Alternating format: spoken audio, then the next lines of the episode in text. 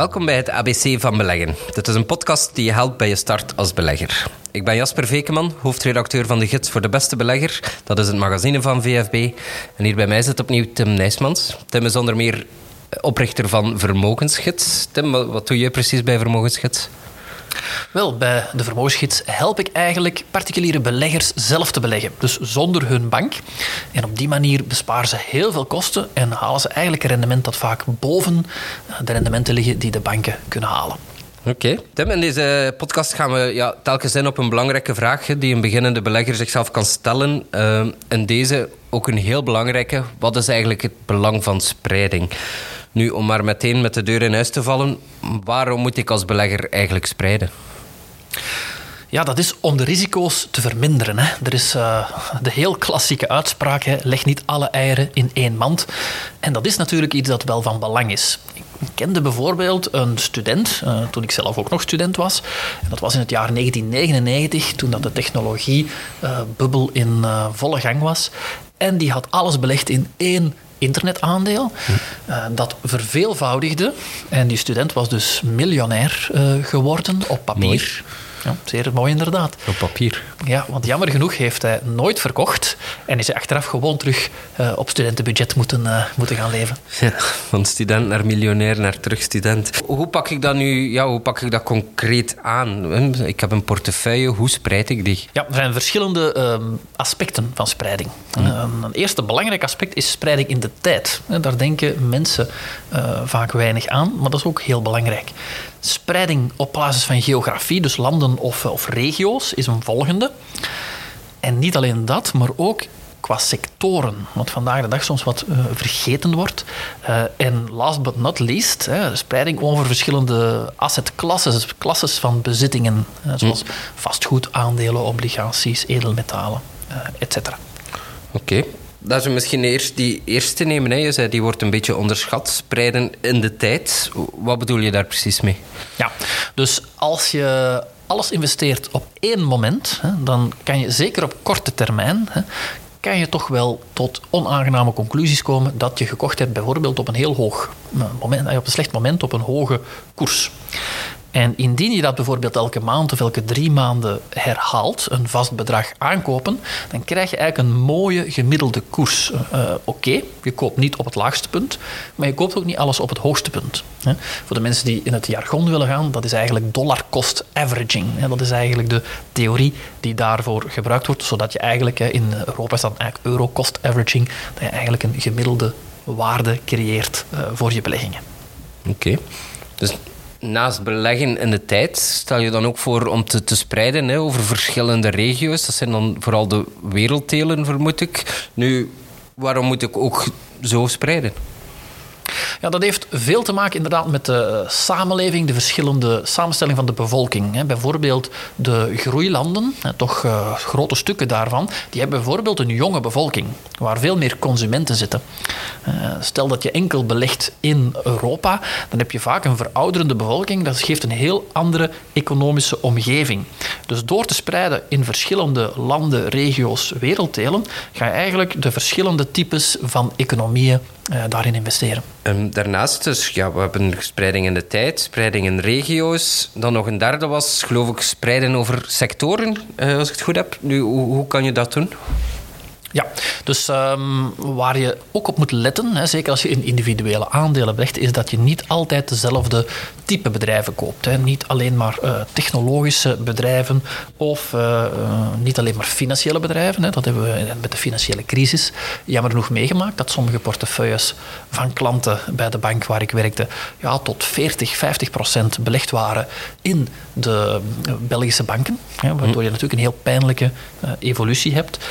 En men verdeelt de sectoren vaak in, in grote stukken.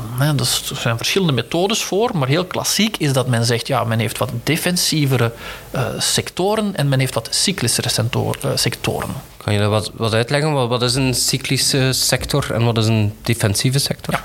Dus misschien de essentie is dat een defensieve sector in principe altijd blijft draaien. Hè, op ongeveer dezelfde manier. Hè. Um, nutsbedrijven zijn er een voorbeeld van, telecombedrijven. Hè, we gaan altijd blijven uh, bellen en internetten. Um, dat gaan we niet op, uh, gaat met weinig ups en downs. Terwijl cyclische sectoren, zoals uh, bouw en industrie, het toch moeten hebben van bepaalde groei, van bepaalde mooie elementen in de economie. Dus dat is eigenlijk het verschil tussen uh, grote lijnen tussen de defensieve en cyclischere waarden. Ja. Nu, nog een laatste vorm van spreiding, zei je zelf, heel belangrijk, is ook tussen activa. We hebben in een eerdere aflevering al eens bekeken wat een ideale samenstelling van een portefeuille is. Hè. Dan kwamen we tussen een, een, mix van aandelen, obligaties, fondsen, verzekeringsproducten, allerlei. Nu, wat, wat we daar nog niet besproken hadden, was de rol van cash. Um, nu, cash speelt ook, is ook een vorm van spreiding.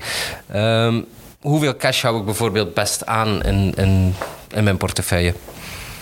Ja. Of, ja, dat is inderdaad. Het is niet voor iedereen hetzelfde. Hè, de, hoeveel cash dat je aan moet houden. Uh, en ook weer opnieuw een vuistregel is dat uh, toch wordt gezegd van ja, zes maanden loon. Hè, dat is dan vaak dat men dat bekijkt voor stel dat je je uh, werk zou verliezen. Um, het hangt ook af van wat zijn je plannen in de toekomst. Hè. Heb je bijvoorbeeld grote uitgaven gepland, dan moet dat wat groter zijn. Uh, ik had onlangs iemand die op bezoek kwam en die zei van ik zou graag uh, het huis van mijn buur kopen als die persoon komt te overlijden. Hè. We wachten er niet op, maar goed, ze waren 85 jaar, dus het kon wel gebeuren en dan was de cashvoorraad een pak groter, juist omwille van het feit dat uh, er een opportuniteit kon zijn. Ja, maar cash is dus ook, het is ook een, kan onderdeel uitmaken van uw ja, beleggingsportefeuille. Het is een uh, belangrijk onderdeel. Ja. ja. Nu, als we eens gaan kijken naar die spreiding, hoe, hoe werkt dat dan precies in de praktijk? Dus kan ik zeggen, hoe meer ik spreid, hoe minder risico ik neem. Is bijvoorbeeld zinvol dat ik ja, mijn geld over dat ik 100 aandelen ga kopen, bijvoorbeeld, om toch maar die risico's te verminderen? Ja, in de financiële literatuur is daar wat discussie over, uh, over hoeveel aandelen je best hebt in een portefeuille.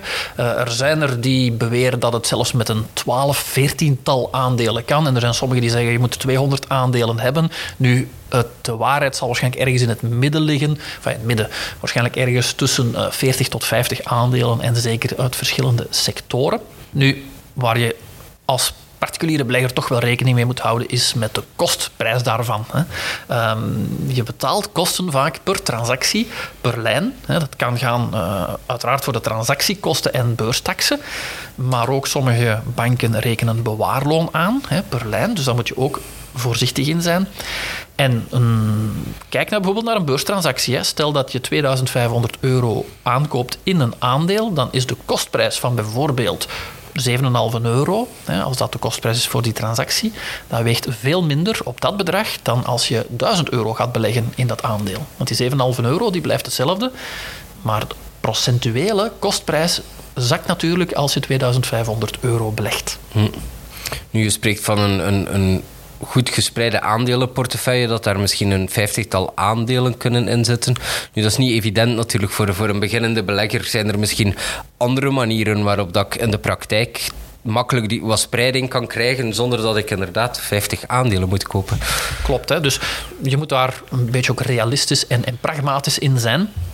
Als je bijvoorbeeld um, multinationals koopt, holdings koopt, of je combineert in je portefeuille um, de aandelen met trackers of met uh, beleggingsfondsen, dan kan je eigenlijk al met veel minder lijnen, hè, met veel minder verschillende beleggingen, een heel mooie spreiding creëren. Ja. Uh, zeker als we kijken naar beleggingsfondsen en naar uh, trackers, dan heb je meestal vaak ja, tientallen, als het geen honderd verschillende, honderden verschillende aandelen zijn. Ja, nu over het verschil tussen actieve en passieve fondsen hebben we het alles gehad. Uh, dus laat mij misschien deze keer inpikken op die multinationals. Ja, hoe zorgen die concreet voor spreiding? Ja, multinational wil zeggen dat je in verschillende landen actief bent hè, en uh, het best dan ook in verschillende regio's. En laten we bijvoorbeeld het voorbeeld nemen van uh, Louis Vuitton of uh, LVMH, zoals het op de beurs genoteerd staat. En dat is eigenlijk een multinational die actief is in de luxe producten. Ja. We kennen ze van de, van de dure uh, champagnes, de mode, uh, van uh, lederwaren, van, van, van, van, handtassen. Het gaat verder en verder, ja. uiteraard. En doordat je daar verschillende uh, sectoren hebt, maar vooral heel belangrijk, zij verkopen in verschillende regio's en landen, krijg je automatisch spreiding. Ja, zij krijgen inkomsten uh, uit, uh, uit Azië, uit Japan, uit Amerika, uit Europa uiteraard en allemaal in verschillende munten uit verschillende regio's. En krijg je eigenlijk een mooi gespreide portefeuille, terwijl je toch maar één aandeel koopt. Hm. Naast die multinationals had je het ook over holdings. Nu, wat, wat zijn dat precies? En ja, hoe zorgen die dan voor spreiding? Ja, holdings hè, of investeringsmaatschappijen, dat zijn eigenlijk vernootschappen die voor u beleggen in andere vernootschappen. Die dus ook aandelen kopen soms op beurs genoteerd, maar soms ook niet beursgenoteerd. Hè. Dat kan wel de kracht zijn van sommige holdings. Dat is dat ze eigenlijk private equity, zoals het in het jargon heet, of privaat kapitaal, kunnen steken in bedrijven die niet op de beurs noteren. Want die hebben vaak connecties bij allerlei fondsen die daarop eh, gefocust zijn, die daarin gespecialiseerd zijn. En dan krijg je eigenlijk een, mooie spreiding uh, voor een heel klein bedrag uh, als, je dat, als je die holding koopt. Ja. We, we, hebben zo holdings in België? Ja, ja. ja. klassieke grote namen zijn in België uh, Sofina, Akkermans, Brederode. Uh, Gimf is een ook een voorbeeld. Je hebt er nog vele andere. België is op dat vlak wel een, een land dat wel wat holdings kent. En de, het vertrouwen daarin is wel aan het stijgen. Hè. Dus de families die erachter zitten, de teams die erachter zitten, het vertrouwen daarin is groot. En dat is ook wel belangrijk. Je moet veel vertrouwen hebben in de het team in de familie die daarachter zit. En dat is het grote verschil met bijvoorbeeld beleggingsfondsen en trekkers. Dit dat je bij een holding goed moet onderzoeken of de beslissingen, de trackrecord daarvan goed zijn. Zo is bijvoorbeeld eh, de holding die ik nog niet genoemd heb, GBL, ehm, is de laatste jaren iets minder goed te doen. Dus de vraag is natuurlijk of dat het nieuwe team, dat de legendarische Albert Frère moest vervangen, of dat het eigenlijk een, een goed team is. Dus dat is heel belangrijk bij holdings. Kijken naar de trackrecord en naar het team dat erachter zit. Ja, en ook ja, hoe die holding dan precies is samengesteld, vermoed ik. Kan je bijvoorbeeld iets zeggen, ik weet niet, in de Bel 20, hè, de, op de Brusselse beurs, kun je Akkermans en Van Haren bijvoorbeeld, dat is een van de grootste. Kan je als voorbeeld een beetje uitleggen hoe die portefeuille in elkaar zit, bijvoorbeeld? Ja, uh, Akkermans en Van Haren hè, noemt zich ook heel graag investeringsmaatschappij en geen holding. Ja. uh, en dat is ook omdat ze maar een beperkt aantal participaties heeft. Hè. Dat is dus minder spreiding. Ze beleggen in DME en in uh, de Bank van Breda en Bank Delen. Hè, nog een stukje in de bouw en bijvoorbeeld in CIPEF. Maar dan ben je ongeveer wat rond qua hun portefeuille. Enfin, zullen hier en daar nog kleinere dingen zijn. Maar dat is heel anders dan bijvoorbeeld een Brede Rode of een Sofina, die heel veel verschillende uh, beleggingen heeft. Ja. Ja, wat ik vooral onthoud is dus dat je uh, door, spreiding, door voor spreiding te zorgen, dat je daardoor minder risico's neemt. Uh, die spreiding kan je eigenlijk op heel verschillende manieren gaan doen. Je kan spreiden in de tijd uh, tussen werelddelen, tussen sectoren en ook tussen verschillende activa. En in de praktijk zijn er veel beleggingen die toelaten goed te spreiden met weinig geld. Uh, ik denk dan aan multinationals, ik denk aan fondsen, uh, maar ik denk ook aan holdings in België. In de volgende aflevering buigen we ons opnieuw uh, over een belangrijke vraag, namelijk wat is het verschil tussen een aandeel en een obligatie? Meer informatie over beginnen met beleggen vind je op onze website www.vfb.be. En vragen of reacties kan je kwijt via info.vfb.be of via onze sociale mediakanalen. Vind je deze podcast leuk? Deel hem dan gerust.